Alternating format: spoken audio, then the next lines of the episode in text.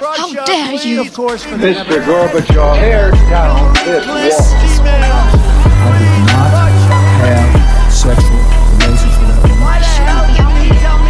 Read my lips. Hell yes, we're gonna take your AR-15. It's waking I have a dream. Thank you.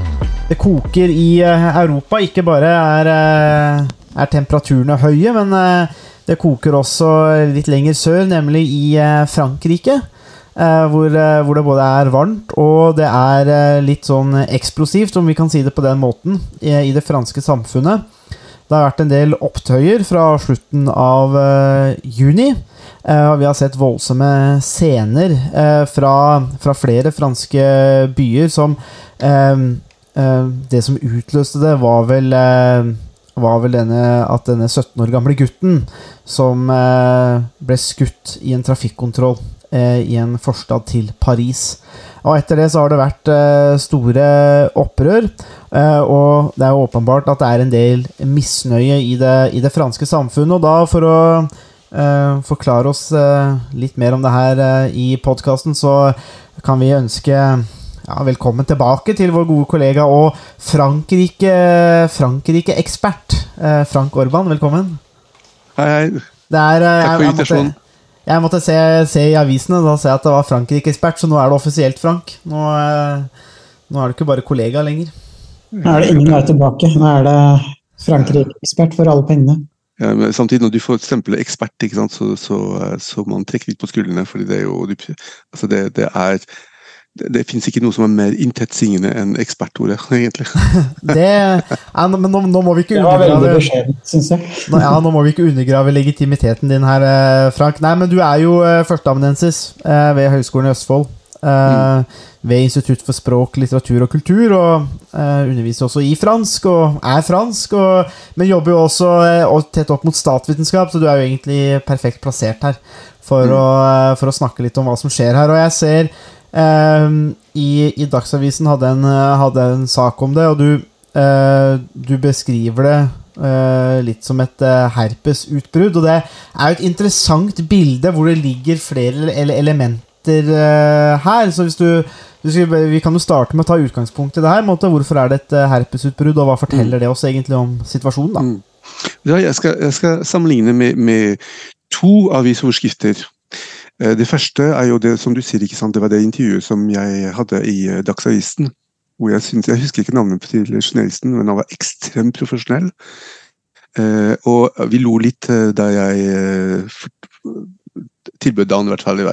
Jeg, foreslo at de kunne bruke denne, dette, dette uttrykket herpes, eh, utbrudd. Eh, og en god kollega av meg, en, en, en, en, god venn av meg, eh, Vibeke Rasline, hun brukte ordet krytterne. Så jeg vil gjerne sette de to uttrykkene opp mot hverandre. For Derfor vil du se to visjoner av hvordan dette forklares eller beskrives om dagen. ikke sant? Eh, Og jeg skal forklare hvorfor jeg ikke velger å bruke krytterne, men vil heller bruke herpes. Okay? Krytterne det bygger opp en stemning av intensitet. Noe som bygger seg opp. Og så kommer du til et punkt hvor det er akkurat som en sånn trykkoker, hvor det bare eksploderer. Men det gir også litt inntrykket av at det er en engangstilfelle. ikke sant? At det bygger seg opp, og så er det kuttende og så eksploderer det, og så er det ferdig. sant? Eh, det ikke det, var ikke mitt valg. ikke? Mitt valg var mer et herpesutbrudd, og jeg vet at det kan oppleves litt uheldig. Eh, Jeg ble til og med kritisert for å rakke ned på demonstrantene eh, ved å bruke et medisinsk uttrykk. Men da sa jeg til dem at det, det som det, ikke, altså, var ingen intensjon fra min side om å rakke ned på, på demonstrantene. Eh, Men mitt, min intensjon var jo å vise at dette ikke er noe nytt. Dette er akkurat som et sånn herpesutbrudd. Dvs. Si at du har det i kroppen. Du glemmer det mellom hver gang, men det kommer alltid tilbake. Eh, Og det er veldig vanskelig å behandle. Eh, Sånn er det med disse opptøyene. Igjen, ordbruk. Hva skal vi bruke? Opprør, opptøy, eh, demonstrasjon. ikke sant? Altså det, det, du har litt av hvert. Eh, Litt av alle disse uttrykkene som er brukt i, i media. Jeg velger å bruke ordet opptøy. eh, som til, til et visst punkt kan utvikle seg til geriljakrig, egentlig. Eller urban krigføring eh, til et visst punkt. Så min idé er jo at dette eh, er en prosess som egentlig begynte på 70-tallet. Det siste utbruddet eh, man hadde, var i 2005. Det var også i forbindelse med at to unge gutter eh, fra Paris-området døde eh, da de ble jaget av politiet og søkte ly en transformator og ble grillet i hjel. Og, det, og det førte til tre uker med opptøy i flere forsteder i Frankrike. Eh, og det var, i 2005. ikke sant? Så hadde man et tilfelle på 90-tallet. så Med jevne mellomrom så dukker det opp igjen.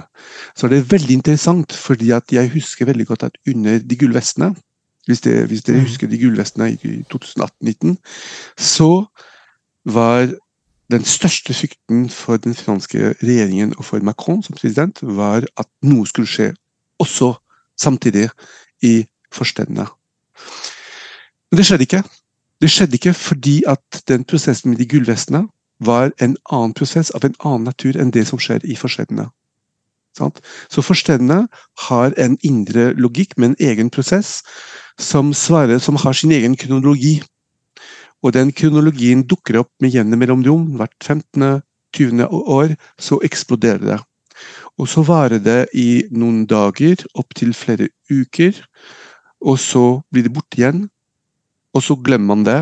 Man sprøyter inn penger i systemet. Man håper at det skal løse seg av seg selv. Så gjør det ikke det. Fordi det er et veldig komplisert problem med veldig mange lag. Mm. Det er jo eh, Det er jo en, en, en veldig godt eh, eh, bilde på det, syns jeg. Det er jo sånn også fordi at ja, vold kan jo være symptom på noe underliggende. Eh, og, og, og man får jo symptomer på, ja, på herpes, og man får disse utbruddene òg, så det er jo et, eh, eh, et, eh, et interessant bilde. Men du nevner jo også disse forstedene, Frank. Det kan jo være litt sånn vanskelig for kanskje for flere av Ja, særlig kanskje også i Norge òg. Måtte, måtte skjønne helt hva er disse forstedene i Frankrike. Det låter jo nesten litt sånn mytisk når du snakker om det. Så kan du måtte ta oss bare liksom gjennom Ja, litt, ta oss litt dypere inn i disse forstedene. Mm. Um, det, det, det kan jeg, Sondre. Jeg kan, jeg, jeg kan begynne med noe litt personlig. Husk at jeg, jeg er født og vokst i Frankrike, født og vokst i, i Nis. Og i Nis så har vi også en, en, en, en forstad i Nis. Og det er noe som alltid har vært litt mystisk for meg, for jeg bodde ikke der. Jeg kom ikke derfra. Jeg dro aldri dit. Og jeg ville aldri tenke meg å ta en tur dit. Altså, det, det, var, det, dette var et område som ikke fantes, eh, og, og, og jeg visste ikke aldri Jeg visste egentlig aldri hvem som bodde der, hvordan de så ut. altså det det, er liksom to separate universer, egentlig, disse forstedene og den øvrige befolkningen, på en måte. Så bare for å gi en litt levende uh, forklaring på hvordan, hvordan franskmenn selv lever med det. Uh, og en annen ting som er litt spennende, det er jo at de som bor i forsteder, med en gang de har mulighet til det, så stikker de av. De blir ikke boende der.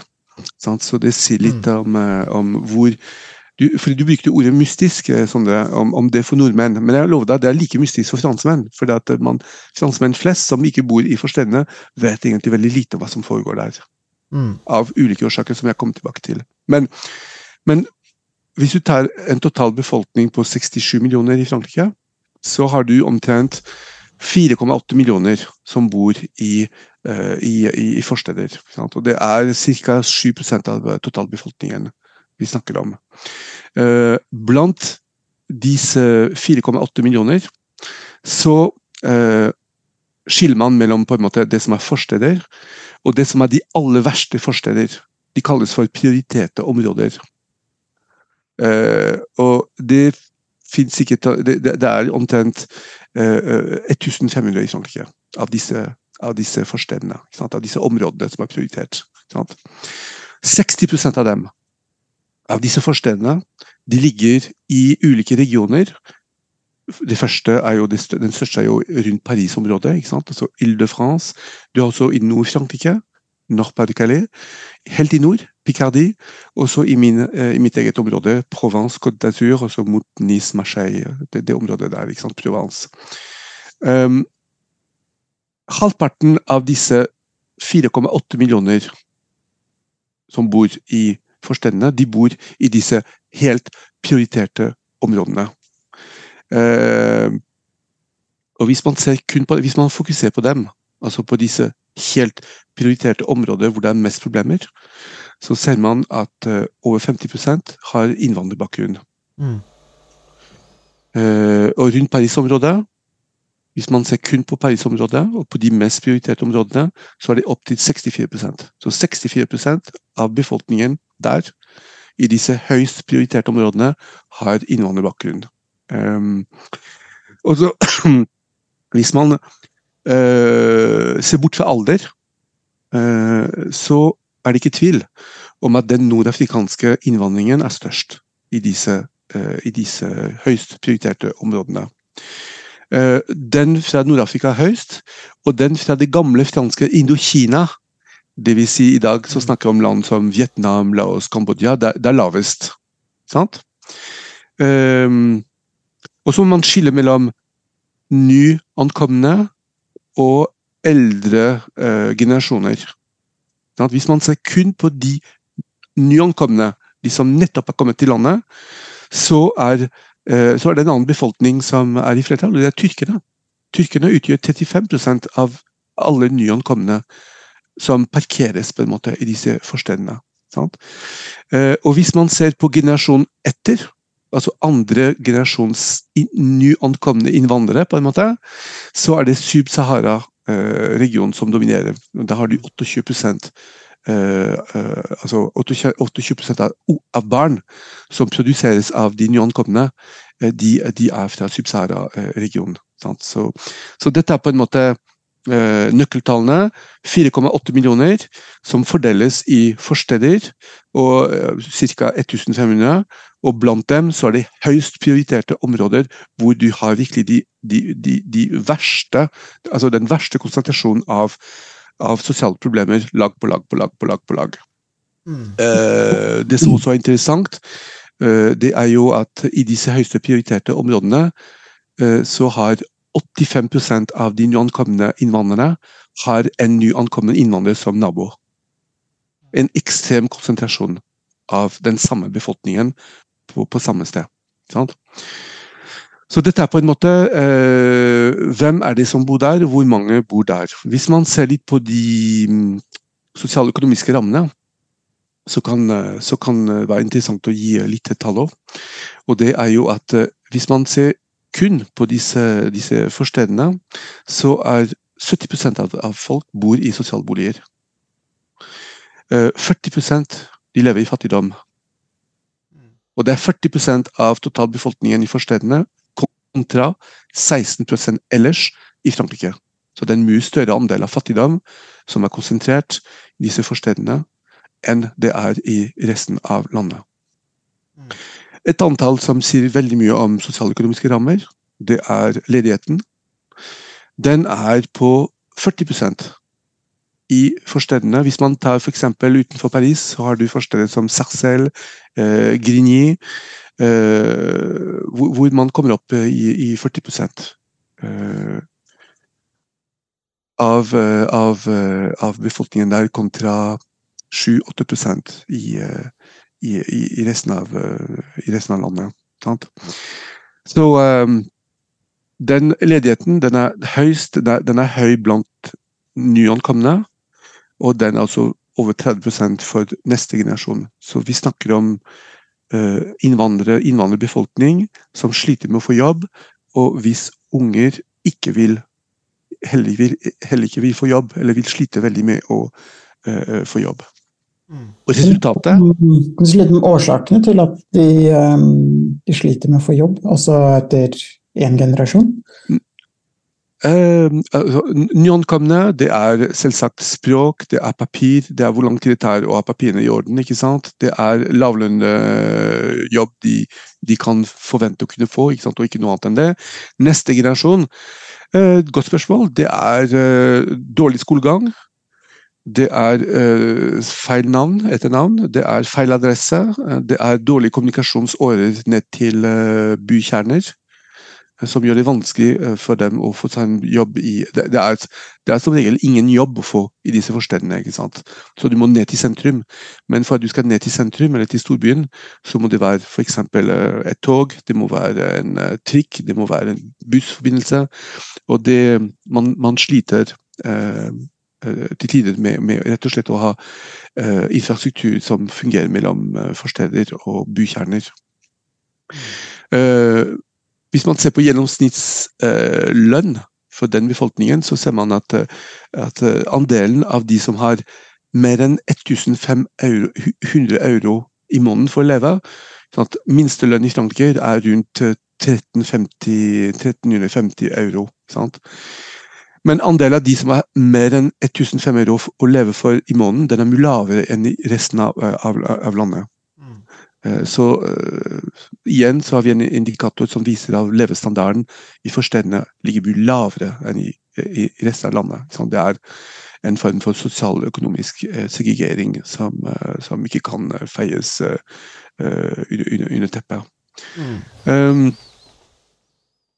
jeg, eh, jeg, jeg, så har jeg sett på, bare for å avslutte den lille runden som jeg, jeg vet at i en podkast er det fryktelig upraktisk å gi så mange tall, men samtidig så jeg synes at man hører veldig mye om disse opptøyene, man leser veldig mange ting, men man får liksom aldri helt konkrete tall på ting. ikke sant? Så jeg syns det er litt viktig å, å, å, å, å gi konkrete tall til å begynne med.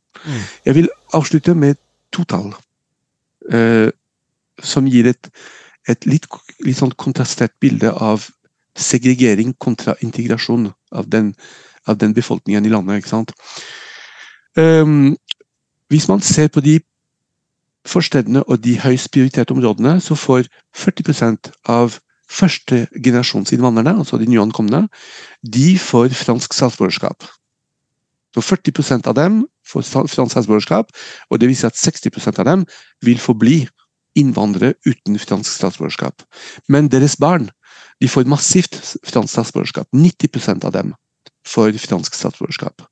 Så hvis man fortsatt kan snakke om innvandrere, eh, altså ikke-franske innvandrere når det gjelder første generasjon, så kan man ikke det når det gjelder andre generasjon, at de aller fleste, 90 er franske statsborgere.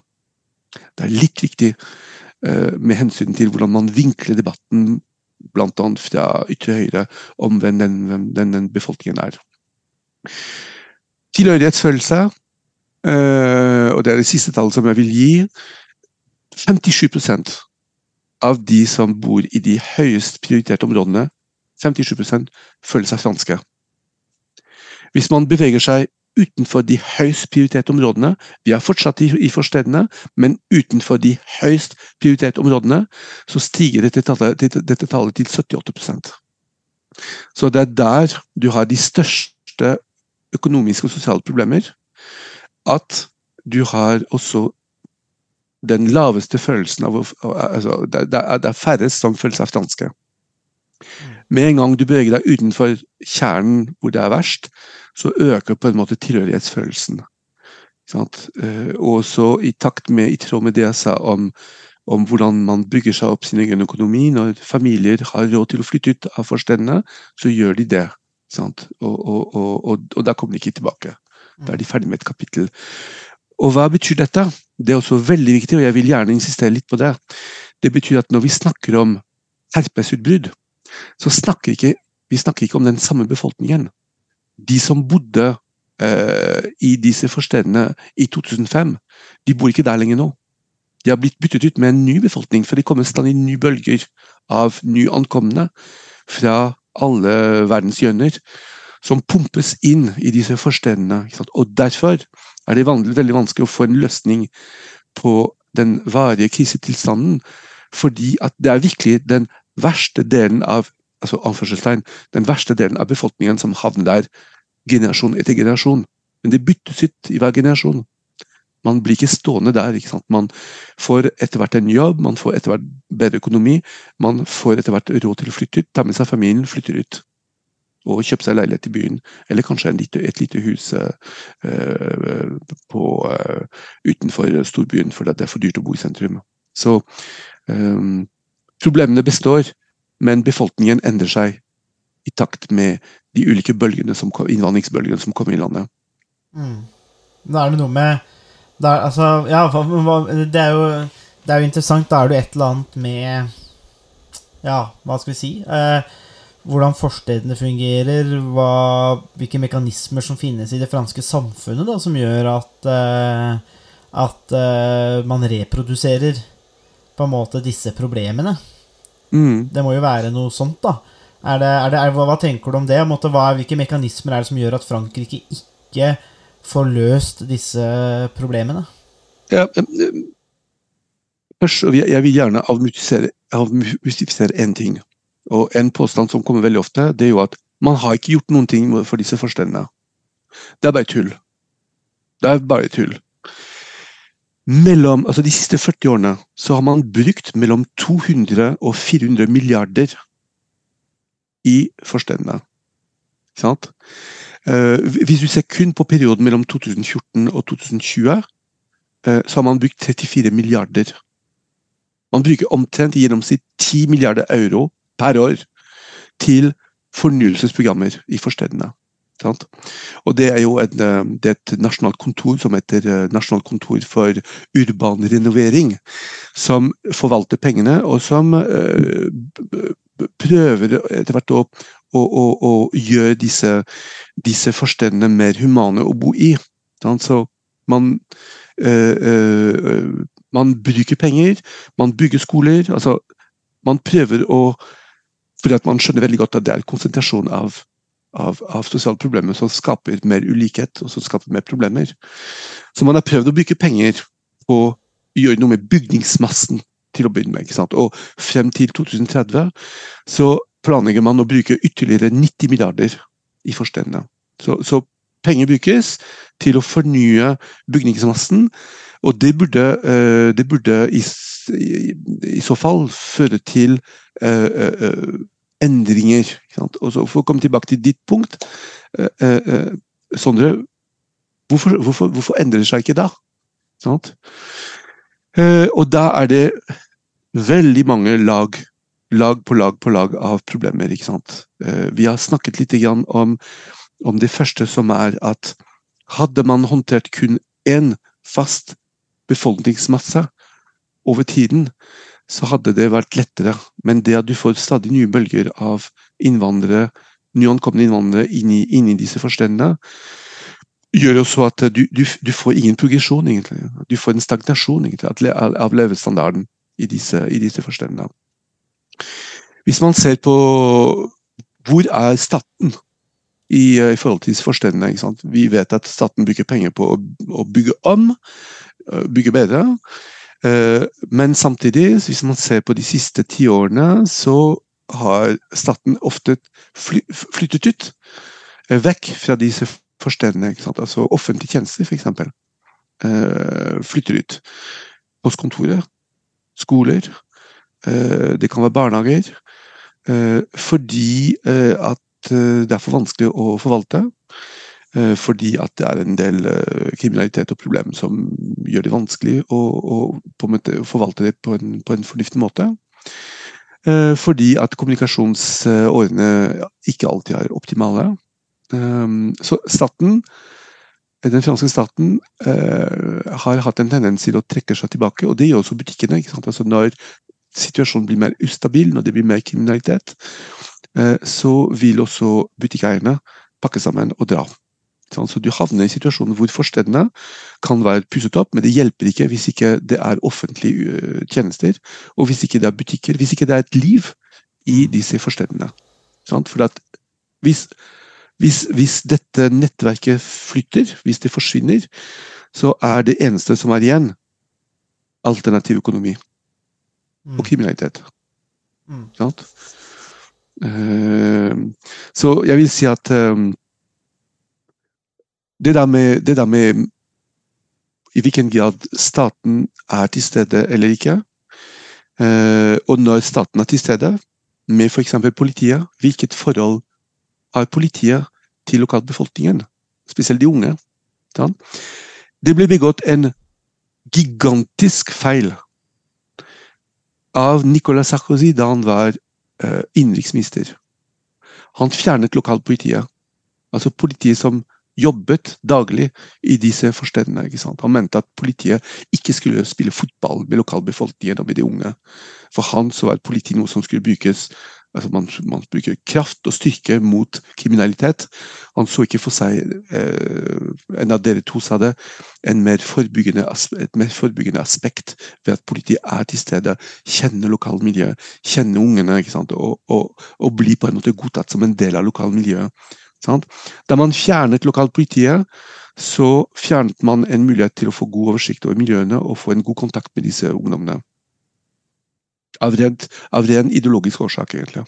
En Så- ting som, en ja. ting som jeg tenkte på uh, når, du, når du snakker om hvordan disse forstedene på en måte har utviklet seg over tid, og at man også har brukt ganske mye penger uh, fra det offentlige sin, sin side um, Så på en måte så, så gir det kanskje, det gjør det kanskje litt lettere Eller jeg tenker kanskje at det litt, blir litt lettere å forstå uh, kanskje hvorfor Le Pen eh, og hvorfor den mer sånn den innvandringskritiske eh, delen eh, av fransk politikk kanskje også har litt gjennomslag, fordi at de, man, man ser at man har forsøkt å løse noen av problemene, men så har man kanskje ikke klart å, å Mm. komme noen vei. Men er, er det, eh, på en måte, det noe av forklaringen også på at Le Pen og hennes parti eh, har eh, har fått stor oppslutning, eller større oppslutning eh, ved Mm. de valgene også? Ja, Det er det. altså. Det er veldig, veldig interessant at du nevner fordi eh, det var noe som jeg også hadde tenkt å, å nevne. Det er jo at For lytterne så er det veldig viktig å alltid ta med seg kritiske briller når man leser om en situasjon. Og Når det gjelder disse opptøyene som vi ser i dag, så kan du velge hvilke briller du skal ta på deg. Sant? Du kan ta et par briller fra det radikale venstre side, eller fra de radikale høyre side, f.eks. Hvis du tilhører venstresiden eller de radikale eh, venstresiden, og da mener jeg partiet som Jean-Luc Mélenchons parti, det ukuelige Frankrike. Hvis man skal sammenligne med, med, med Norge, så, så må det være rødt, på en måte. Så vil du si at det som skjer i forstendene, er et resultat av diskriminering, rasisme og sosial segregering. Og, og da vil du si at vold Eh, for å sitere en, eh, en kjent eh, fransk forfatter fra 50-tallet, Frans Fanon, som skrev, som, som, som skrev om legitimering av vold i forbindelse med, med selvstendighets- eller uavhengighetsopprør i de gamle franske koloniene på 50-tallet. Det radikale venstre vil slite veldig med å kritisere eller fordømme volden i forstedene, for at for dem så er volden et legitimt middel mot en form for oppresjon. Og, og Mélenchon, som er lederen for dette partiet, det ukuelige Frankrike, ble veldig kritisert for det. For å på en måte ikke fordømme eh, volden mot politi, eh, politi, politifolk, f.eks. Altså, eh, jeg leste siste rapporten tyder på at eh, det var eh, 700, over 700 politimenn som ble skadet i disse opptøyene. Eh, Så det radikale venstre vil betrakte dette som et uttrykk for et legitimt opprør mot, eh, mot en, en, en, en urettferdig situasjon og mot diskriminering og segregering i Frankrike.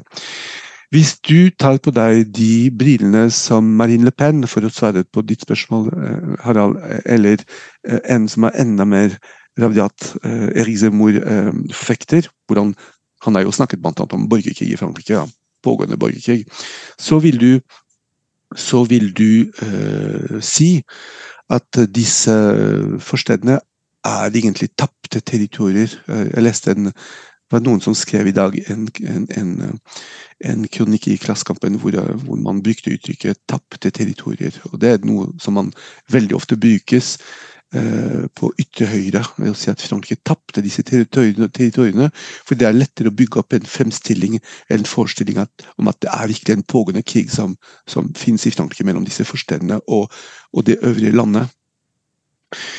Da vil jeg si at eh, det er en konsekvens av ukontrollert innvandringspolitikk.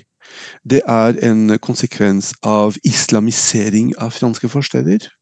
eh, Og det er en konsekvens av kriminalitetsbølgen i forstedene. Hvis du tar dette sammen, så handler det sammen Det handler egentlig om innvandrere eller innvandrerbarn eh, som er muslimske eller radikale muslimer, og som driver med narkohandel. Sant? Dette er jo på en måte brillene fra ytre høyre. Ehm, og det er klart at det, Da har du et veldig polarisert bilde, en veldig polarisert diskurs av hva, hva, om hva dette egentlig handler om. Sant? Og sannheten den ligger antageligvis litt et sted i midten. Sant? At det er både et spørsmål om, om sosioøkonomisk diskriminering og øh, segregering. Og til en viss grad også rasisme. Og øh, et, en situasjon som er skapt av innvandringspolitikken, av øh, kriminaliteten og når det gjelder vise uh, forsteder eller bydeler, av uh, lokale uh, småkonger som har overtatt kontroll over enkelte, enkelte bydeler. Eller det kan være bydeler, det kan være gater, det kan være etasje i, blokk, i, en blokk. ikke sant, Og, og, og styre selv. sant? Mm. så Derfor er det veldig vanskelig å på en måte å analysere dette på en, på en fornuftig måte. Um, men et eller annet ble gjort galt, og, og, hvis man sammenligner situasjonen i Frankrike med andre land, så er det ikke tvil om at, uh, om at den formen for integrering uh, har slått feil. Men i en tid, et tidsperspektiv er veldig viktig. Fordi hvis, man, hvis vi snakker om integrering av nyankomne, så er det noe som begynner nå. Hvis man tenker på integrering av de forrige bølgene, så har det som regel gått bra de har blitt en del av storsamfunnet, på en måte, og de har forlatt uh, uh, disse forstedene. Mm. Um, ja, så, så og, og, Mye av kritikken er jo fokusert også på politiet, hvordan politiet håndterer uh, de, disse forstedene. ikke sant? Og, og, og, da er det også et veldig Det, det, er, ikke, det, er, ikke, en, det er ikke et ensidig bilde, det er et tosidig bilde. altså På den ene siden så er politiet redd. Sånn, de, er, de, er, redde de er redde for å rykke inn i enkelte. Hvis dere har sett uh, filmen 'Bac Nord', som foregår i Marseille, så, så, uh, så den, uh, den, finner på Netflix, så ser dere at politiet er jo, er jo, veldig redd for å gå inn i de forstedene. For de vet at det som venter på dem, er, vold. Um, og dermed så blir man veldig fristet til å be om våpen, altså om å få lov å ha våpen med seg. Og, og terskelen for å bruke våpen blir lavere enn før. Mm. Den konkrete saken med den ungen som heter Nail, som var 17 år. Og Nail har jeg sjekket litt opp, ikke sant? og Nail var på en måte ingen engel. Han hadde allerede eh, flere dommer på seg, og eh, var notorisk kjent for å stikke av med bil uten førerkort. Så, så, så, bare for å plassere han litt. ikke sant? Men når det er sagt, Eh, og selv om man prøvde å stikke av med bil, er dette nok til at man skal få en kule i hodet? ikke sant? Mm. Nei. Det virker, i hvert fall hvis man ser på videoopptakene, det virker som det som skjedde, var en ren henrettelse. Sant? Eh, I fjor så døde det 23 stykker i Frankrike pga. Eh, at man nektet å stoppe ved politiets anmodning. Delvis eh, kjørte seg for i hjel. De, eh, de, prøvde å stikke av, og så kjørte de en vegg, et tre og alt. Men i flere tilfeller så ble de skutt på og drept. Enten passasjerer eller uh, de som kjørte bil. Sant? Så I 2017 så, fikk, uh, så kom det en ny lov uh, om utvidet fullmakter for politiet for å kunne bruke våpen i tjeneste hvis det viser seg at en person nekter å adlyde en oppfordring om å stoppe, og kanskje i tillegg prøver å meie ned politiet mens man prøver å stikke av. Og Det er ikke tvil om at eh, den loven, eller, mer, eller i større grad måten det blir forstått på av politiet, og praktisert, har ført til et, en større grad av vold i forhold til det som var tidligere praksis. Og En del av diskusjonen i dag er jo å se om ikke man skal gå innom den loven en gang til og endre, eller kanskje skrive den enda klarere for å virkelig begrense tilfeller hvor man kan bruke våpen, til tilfeller hvor man handler i nødverge. Dvs. Si at man skyter på en bil fordi at man er i ferd med å bli kjørt ned eller meiet ned av, av bilisten. Mm. Så, så politivold er jo, eh, er jo, har jo vært diskutert, eh, og, og, og eh, på den ene siden så er det et politi som er reddere enn før. Uh, fordi at man er redd, så vil man uh, lettere enn før ty til, til, makt og ty til våpen. eh, og det vil kunne eskalere. eh, Og det vil kunne skape situasjoner hvor, eh, hvor man bruker vold og skyter når man ikke skal gjøre det. Sant? Det er jo en, Eh, det er et interessant eh, sak der, jeg, jeg, syns, jeg du, som du tar opp der. Altså dette med altså Sarkozy og altså, hvor du fjerner på en måte politifolk. Eh, du har et annet syn på hva politiet skal drive med. mm, Eh, og det, det, tenker jeg er jo, er jo egentlig ganske alvorlig, fordi at eh, mye kriminalitet vil jo ofte kunne forebygges via kjennskap. Eh, altså at du, man, eh, man ufarliggjør politiet litt, og det er lavere terskel for kanskje å gå til politiet, og man møter kanskje mer forståelse òg, eh, hvis det skjer noe. Altså, og dette kan vi også kjenne i en viss grad igjen i Norge, altså med de lokale lensmennene som var rundt omkring, som på en måte kunne Ja, hvis det var noen problemer, eller altså, det var noe som hadde liksom, Du gjorde noe, et eller annet på kanten, men altså, kjennskapet gjorde at Ok, men du tok kanskje en prat, altså, så- men istedenfor at du ble møtt med harde sanksjoner og regelrytteri, da, ikke sant, så kunne man ha litt mer sånn eh, egentlig, egentlig en form for mentor.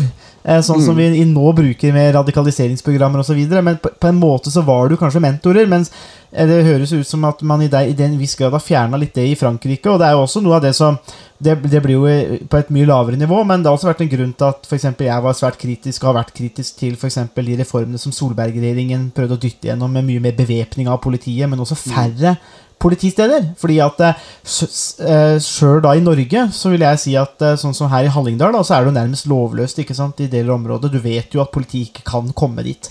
Og det er såpass store avstander. Eh, Men jeg husker jo da jeg var liten, så var en av mine eh, beste kamerater Faren er jo politimann.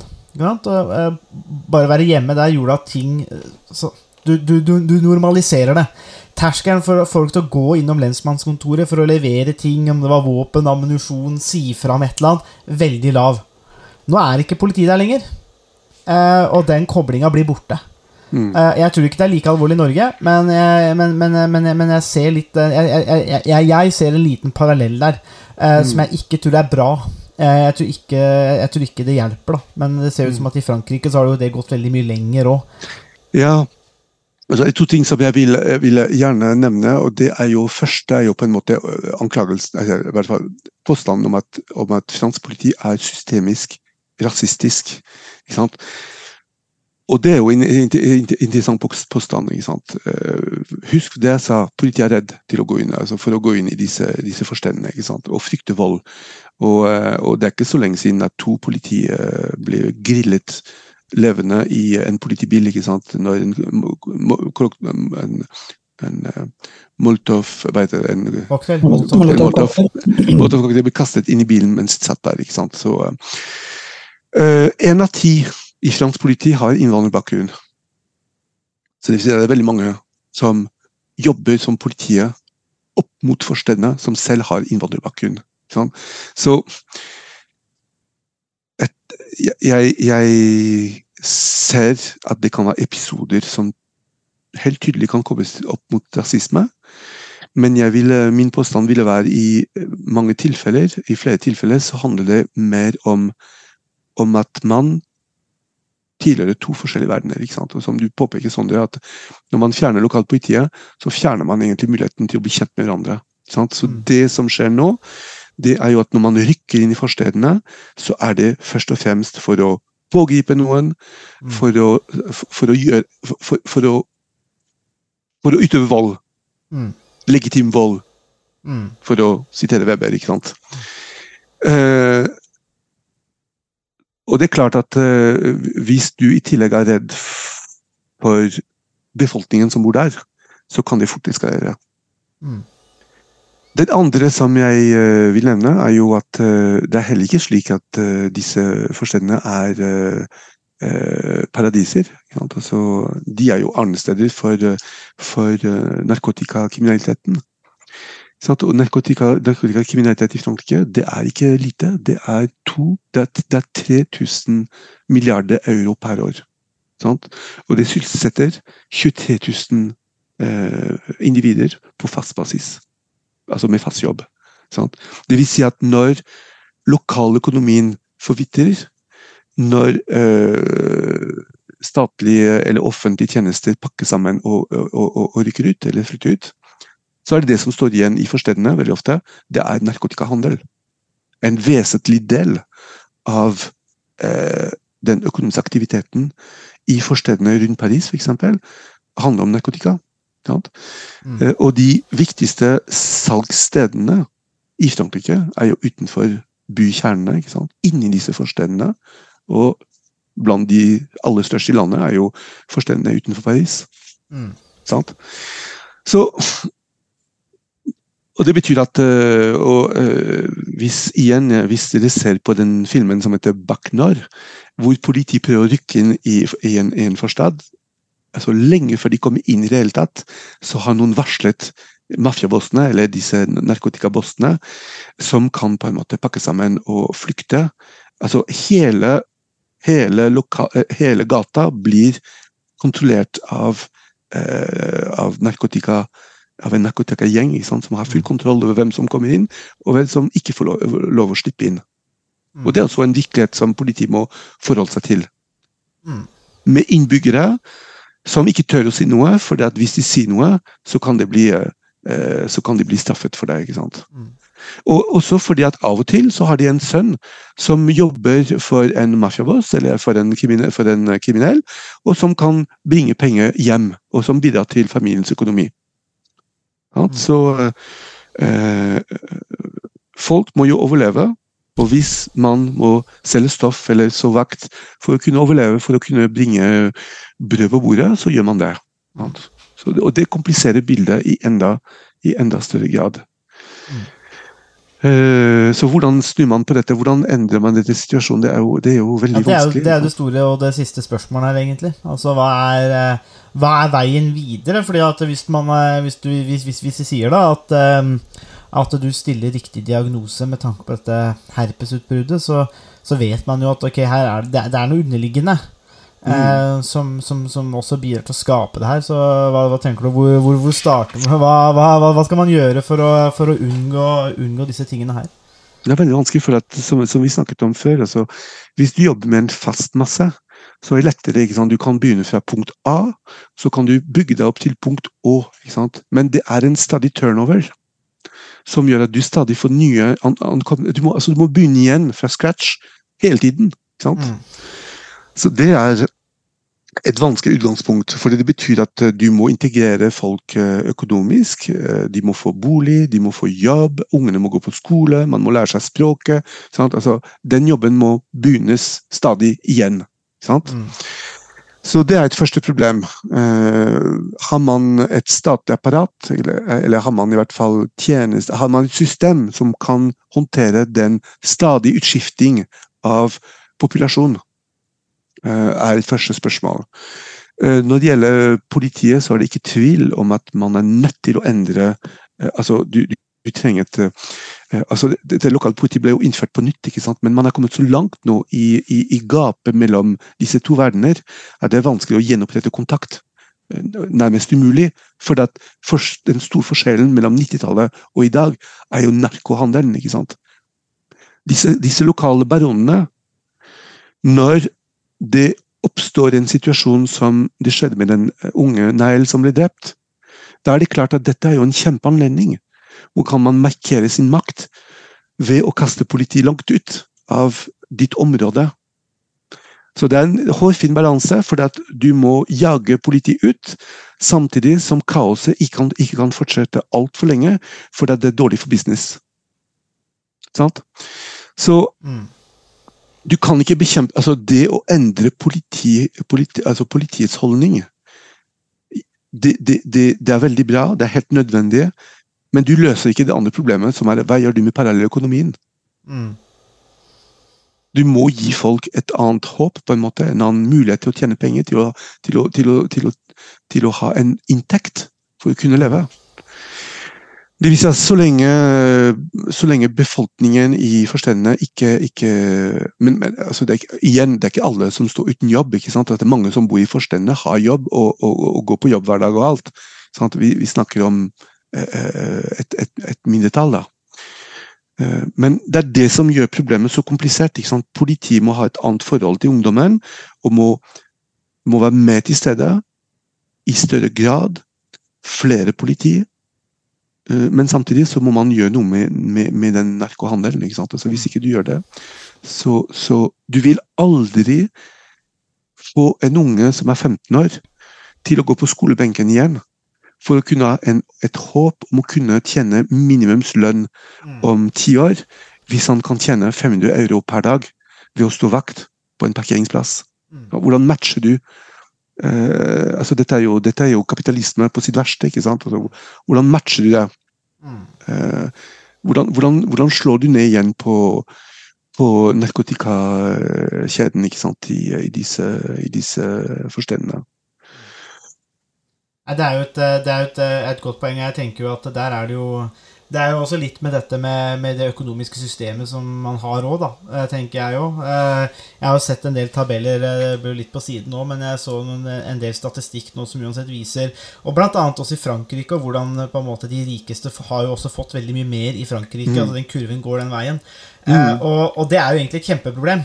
Eh, og og på, ett, et punkt så blir det altså det, det er helt greit at folk tjener ulikt, på en måte, men på et tidspunkt så blir Hvis den, hvis den fordelingen er veldig skeiv, så blir det et problem. Og det, og, og, og det som jeg tenker, er, er nettopp det når du sier det sånn som du gjør nå, Frank. At mm. hvordan skal du overbevise folk, f.eks. unge folk, unge mennesker i disse forstedene, om at jobb hardt på skolen, så kanskje du tjener minimumslønn?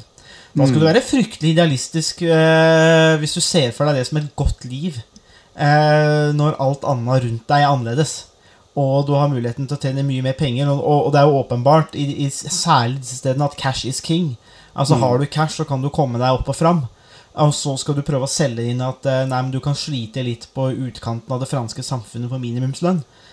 Eh, ikke sant? Det, er, det er et problem, og i hvert fall når minimumslønnen er så lav. Eh, ikke sant? Så, så, så, så, jeg tenker jo at der er det jo noe Hva man gjør med det, er Men jeg tenker jo at eh, sånn som systemet er rigga litt på en måte òg, da, økonomisk og, og, og, og politisk nå, så er, er, man også kanskje dømt til å skape en del tapere, da. Eh, gjennom dette sy sy- systemet, for du må gi folk muligheten til å eh, Ja, du, du, altså, du må, hvis du jobber hardt, så må du også kunne få betalt for det. Men jeg tror i mange situasjoner så vil de, hvis du jobber hardt i forstedene, så tror jeg ikke du kommer noen vei for mange. Og det, Nei, og så hvis, hvis, du, hvis du ser litt på analysene til Thomas Piketty, da, eh, som, viser, som, som har studert utjevningspolitikken over flere hundre år i Frankrike, så ser du at utjevningspolitikken fungerte ganske bra egentlig til midten av 80-tallet. Sant? midten av 80-tallet så ble avstanden mellom de, rike, de rikeste og de fattigste i landet den ble redusert. Sant? Mens det økte veldig i USA, så, så ble den redusert i Frankrike. Og så kom effekten av liberalismen utover 80-tallet. Eh, og, og da, du, da så du at gapet mellom de rike og de fattige begynte å øke igjen. Og da så du også at fattigdommen eh, begynte å øke igjen. Um, og så fikk du noen prosesser som kastet bensin på bollet. Finanskrisen i 2008 sant? Eh, tvang flere hundre tusen eh, eh, Så kasta flere hundre tusen i, i, i fattigdom. Eh, Covid-krisen førte til en forverring av levevilkår for eh, de aller fattigste. Ukraina-krigen nå, med den sterke inflasjonen som vi er vitne til alle sammen, rammer selvsagt de, eh, de som er eh, vanskeligstilt. Eh, slik at eh, avstanden eller gapet mellom eh, fattige og rike øker. Eh, og i dag så er det, det regner, altså Man regner at det er omtrent 8 millioner, mellom 8 og 10 millioner som lever uten fattigdomsgren- under, under fattigdomsgrensen i Frankrike. mm, Det er en sjettedel av befolkningen. Det er helt enormt, egentlig. Sant? Eh, Og, og hvor vil disse bo? De vil ikke kunne bo i byer lenger, for det er for dyrt for dem. Så de vil flytte ut. Hvor flytter de ut? De flytter ut i forstedene.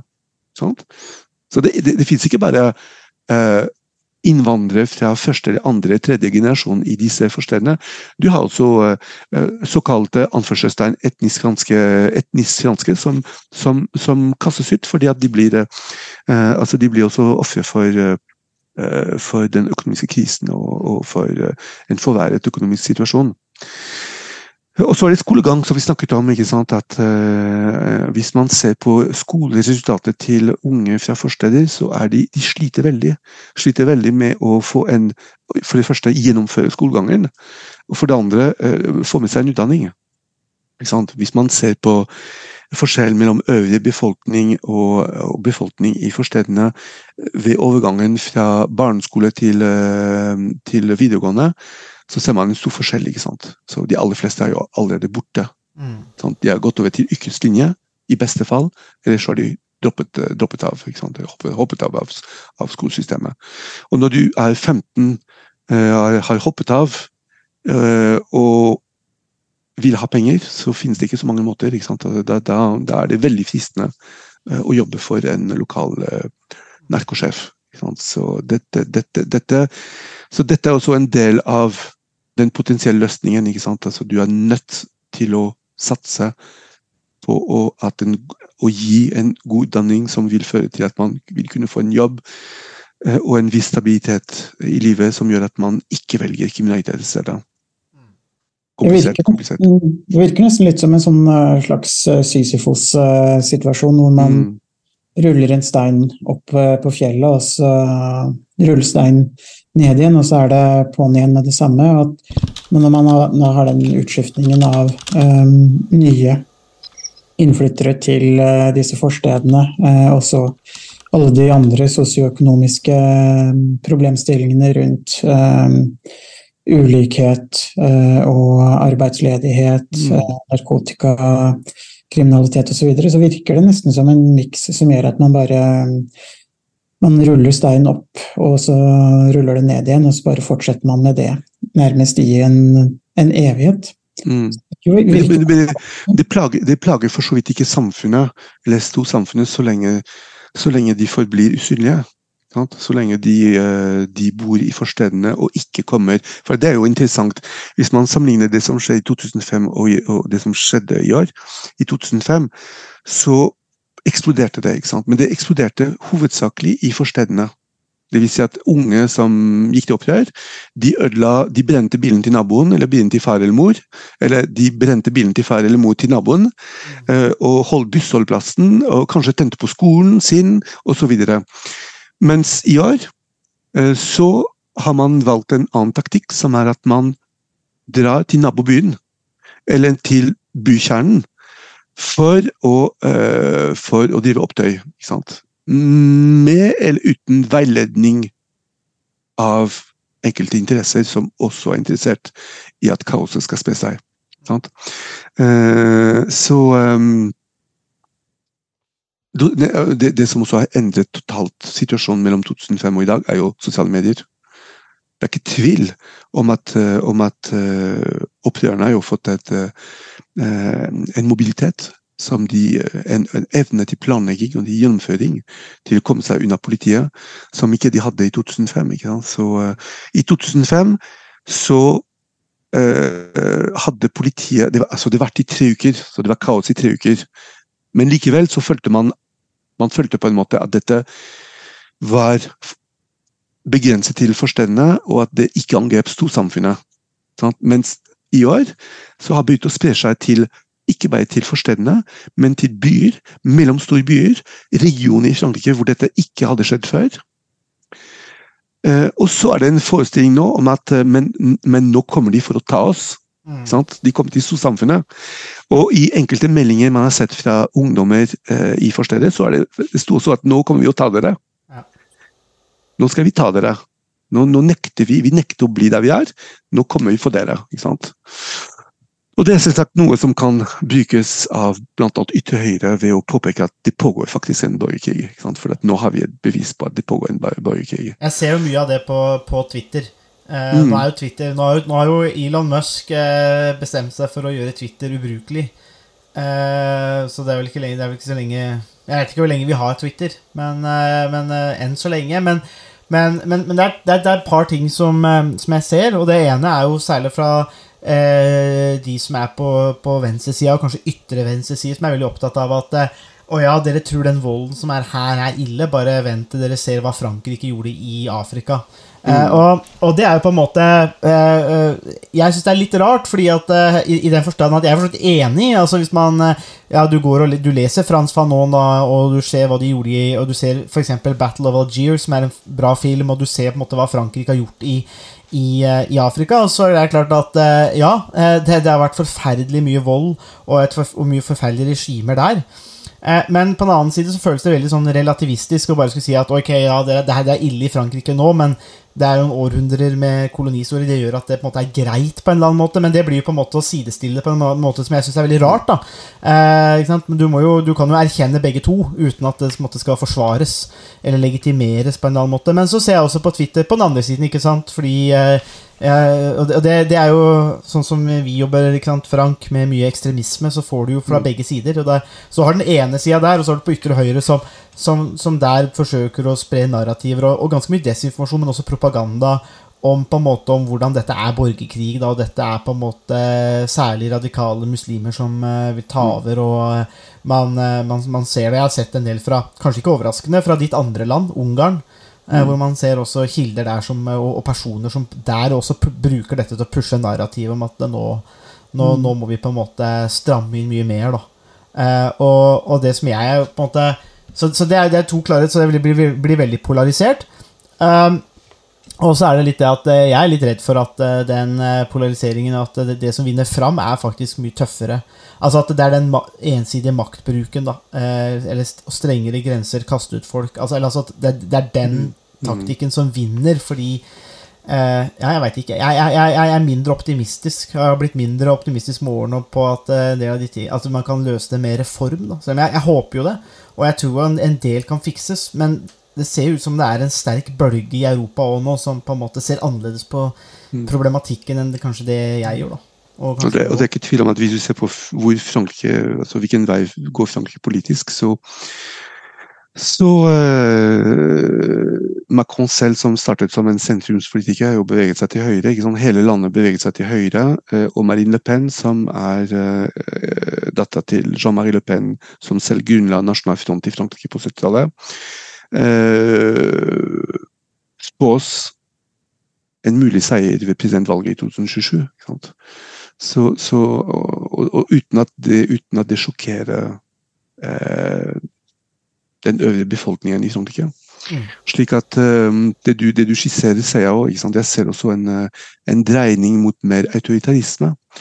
Sant? Vi snakket om voldsbruk, men det er også interessant å se hva som skjer under gullvestene. ikke sant? Og Hvordan, hvordan staten, staten kunne velge flere måter å, å, å, å drive legitim vold på, igjen i weberiansk eh, forståelse, men valgte den tøffe linjen. ikke sant?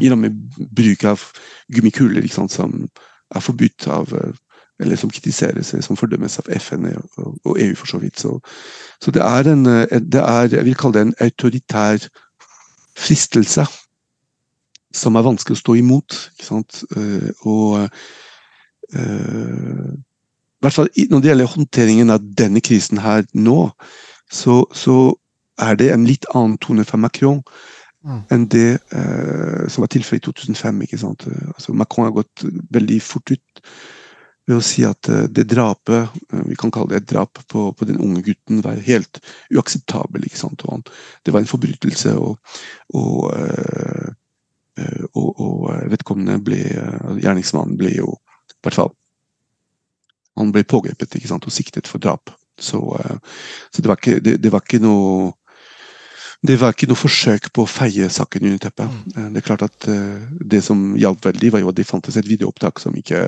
overlater eh, så, altså, det, er ikke, det er ikke tvil om hva som skjedde i den situasjonen. Så, så Ved lignende tilfeller før så, kunne, så, så, så, var det, så var det alltid snakk om ord mot ord.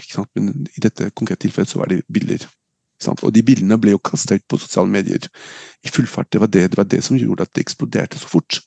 Det var jo at det kom ut i sosiale medier i rekordfart. Så eh, jeg og, Nå er jeg kynisk. Jeg er veldig kynisk, ikke sant. Dette er en situasjon som kan håndteres så lenge det skjer i forstedene. Så lenge det skjer, og det er begrenset i forstedene, så kan de det, det, Jeg så en fransk science fiction-film, 'District 9', eh, for, for noen år siden som handler nettopp om dette. ikke sant? Og, man har til og med bygd en svær mur rundt en, en sånn forstad utenfor Paris. ikke sant? Eh, og, og der skal de være, og der skal de holde seg. Og så lenge de holder seg der, så kan de gjøre hva de vil. Staten trekker seg ut. Litt som disse meksikanske fengsler ikke sant? hvor eh, hvor eh, vaktene trekker seg ut, og så er det intern rule som, som gjelder. Um, uh, så, så eh, spørsmålet er jo om disse forstedene, ikke sant, eller noen av dem, er tapte territorier eller ikke. Ønsker staten fortsatt å ha kontroll over disse, Ønsker man fortsatt at den samme loven skal gjelde for alle? Eller vil man etter hvert gå i en, i en type situasjon hvor man sikrer forstedene at det ikke kommer ut. Og så sikrer man storsamfunnet fra disse, fra disse enklavene. Da vil de kunne fungere som kriminelle enklaver. I, og, det et, og, det er også et syn som gjerne forfekter av, av det ytre høyre, om at uh, det er det som er i ferd med å skje. Mm. Så en, en, en, Ikke en dystopisk fremtid, men en urovekkende fremtid, i hvert fall. Er... Uh lenge, hvor lenge tror du opprørene vil, eller opptøyene vil vare den eh, gangen her? Vanskelig å si, for nå, eh, nå, eh, nå, har det vært flere netter som er ganske rolige. altså Skadeomfanget er jo allerede større nå enn det var for i 2005. Og i 2005 så varte det i tre uker. Sant? Nå snakker vi om over 1300 bygninger som ble tent på, eller som brant ned. Eh, samme for biler. 5700 biler som ble, som, ble, som ble, tent på. Over 1500 butikker som ble plyndret. Eh, 250 angrep på politihus. Mm. Og det siste som skjedde i Fagars, var jo at uh, en gjeng med ungdommer tok en lastebil og kjørte en lastebil inn i huset til en ordfører uh, i, en, i, en, i en by utenfor Paris. Så, så uh, Eh, voldsnivået ligger høyere enn en, en forrige gang i 2005. Skadeomfanget er mye større. Eh, hvis ikke det skjer noe nå, hvis ikke, er, hvis, hvis, hvis, hvis ikke et liv går tapt, så vil de kunne roe seg ned. Og så vil man sprøyte mer penger ut til forstedene. Og så vil man komme med, med, med løfter om at dette blir bedre i fremtiden. Løfte om integrering, løfte om at staten skal være med til stede. Og så, og så vil de roe seg ned til neste gang. Og så skjer det samme neste gang. Men i og med at du får en voldsopptrapping hver gang, så er det veldig vanskelig å si hvor vi, hvor vi, ligger, hvor vi vil ligge neste gang. Hvordan blir det neste gang i forhold til den gangen, som allerede var kraftigere enn forrige gang? Mm. Og nå hadde vi sosiale medier, som man ikke hadde i 2005. Og så hadde man nå større bruk av våpen, som man ikke hadde i 2005. Sant? Så hvordan blir det neste gang? La oss si at det eksploderer igjen i uh, 33-35 cirka. De pleier å gjøre det med sånn 10-15 års mellomrom, omtrent. Mm. Hvordan, hva, hva, hva, vil skje? Hvis ikke, hvis ikke, hvis ikke man gjør noe med dagens situasjon. Mm. Men vi sånn- prøver å påpeke utfordringene med å finne en løsning som er fornuftig over tid. Altså, det er vanskelig. Mm. Det er jo litt sånn når du sier det, når du, når du drar den lista som du gjør nå, så, så, får jeg en sånn assosiasjon, i hvert fall det jeg tenker på, er denne en eh, film, en film fra tidlig 50-tall. Det er vel med Marlon Brando, tror jeg. Uh, The Wild One. Hvor uh, får spørsmålet på en måte What are you rebelling against? Og så svarer han What you got? Og det er jo litt sånn uh, på en måte Hva er det du ja, gjør opprørt mot? Og det er liksom ja, Ok, hva er som, hva er, som, hva, hva er på menyen i dag? Uh, er det en ordfører et eller annet sted, eller er det politiet, eller er det Macron, eller er det er det, er det kolonihistorie, eller altså, måtte, hva er det, da? ikke sant? Det, jeg vet ikke. Det, det, har jo vært veldig bra. Det blir jo en, en solid podkast, eh, Frank. Det er jo en fin sommeravslutning. da. Vel, eh, vi, har, vi, bestemte vel rett før vi gikk på lufta, Harald, at det her er eh, på en måte, vi tar ferie etter den her. Så det da, på en måte, er greit å avslutte litt på topp med en sånn skikkelig djup dykk inn i Frankrike. Men det er jo, det er jo interessant analyse. Frank, og så er likevel kanskje litt av problemet at kommer vi noe lenger? Altså, Eh, fordi at det virker så fryktelig vanskelig. Eh, det, det, må jeg bare si. Jeg syns det altså Det er enklere å peke på en del ting. Altså Si at liksom det her er greiene, men, men hvordan, hvordan, går du i gang med å på en måte adressere det? fikse det. Og det er, jo, det er jo åpenbart at det å kaste penger ikke er løsningen heller. Eh, altså på problemet, selv om Og det er jo noe Det er jo et av kanskje vårt favorittema i podkasten her òg. Det er jo på en måte hvordan staten og politikeren liker å kaste penger på problemer. Eh, men det ser ikke ut som at det fungerer i Frankrike heller. Eh, så Nei, jeg syns det, det er interessant. Ja, husk, husk, husk, det, vi sa, sånne, det vil si at det hjelper folk til å komme seg ut av forstedene. Så det, det har lykkes. ikke sant? Folk, folk kommer seg ut, men det kommer nye. Ja. Med, med, med akkurat de samme problemene som de forrige hadde da de kom. Da de kom? Det er det som er Og med et spenningsnivå som øker med tiden. Så, så det, det, er, det er det som er eh, en stor utfordring. Nei, det er en del, det er en del utfordringer i, i, i Frankrike, det er det åpenbart. Så får vi se da, hvordan det går gjennom sommeren. Altså Hvis det skulle bli mer dramatisk, så får vi, får vi avbryte ferien og komme med en, eh, en, en ny vurdering av, eh, av situasjonen. Men det er, jo, det er jo i kjernen sant, av det som er statsvitenskap, altså som disiplin. Vi ser litt på de tingene her, men når vi begynner å snakke om statens rolle, maktbruk, altså hva er legitim maktbruk, når er den illegitim, og har staten legitimitet? ikke sant? Dette er jo et av de klassiske maktbegrepene, eller, eller begrepene om staten. da. Stat som legitimitet, altså har den legitimitet, og det, det kan jo tyde på at i deler av området i Frankrike så har den jo ikke det. Eh, og og, og hva, hva gjør dette med, med tillit, eh, som, eh, som, vi, som vi kjenner godt til? Så det er liksom det er, det, er, det er så fryktelig mye som eh, Ja, det er, det er en studie i statsvitenskap òg, på en måte, hvis man, eh, hvis, man ser på det her. Så det er jo et slag for de som har lyst til å studere de tingene her. At det er jo, det er jo sånne ting man ser på og prøver å nøste opp i. og, og finne ut på en måte hva er årsaker eller ja, faktorer som bidrar, og hvordan kan man løse det opp. Eh, så det er veldig bra. Nei, men eh, takk for det, Frank. Det ble en eh, god time med litt sånn inside om Frankrike. Eh, så det er, det er veldig bra. Skal du på ferie dit i sommer, eller er det vi skal Nei, vi skal ikke på ferie. Nei. Så Nei, det er da, da best å holde seg i Oslo. Takk for at eh, du hørte på Statsvitenskap og sånt. Har du spørsmål, kommentarer eller tilbakemelding, så er det bare å ta kontakt på vår Facebook-side, per e-post eller brevdue. Musikken er som vanlig laget av Robin Horvath, og Mats Halvorsen mikser og redigerer podkasten. Vi høres!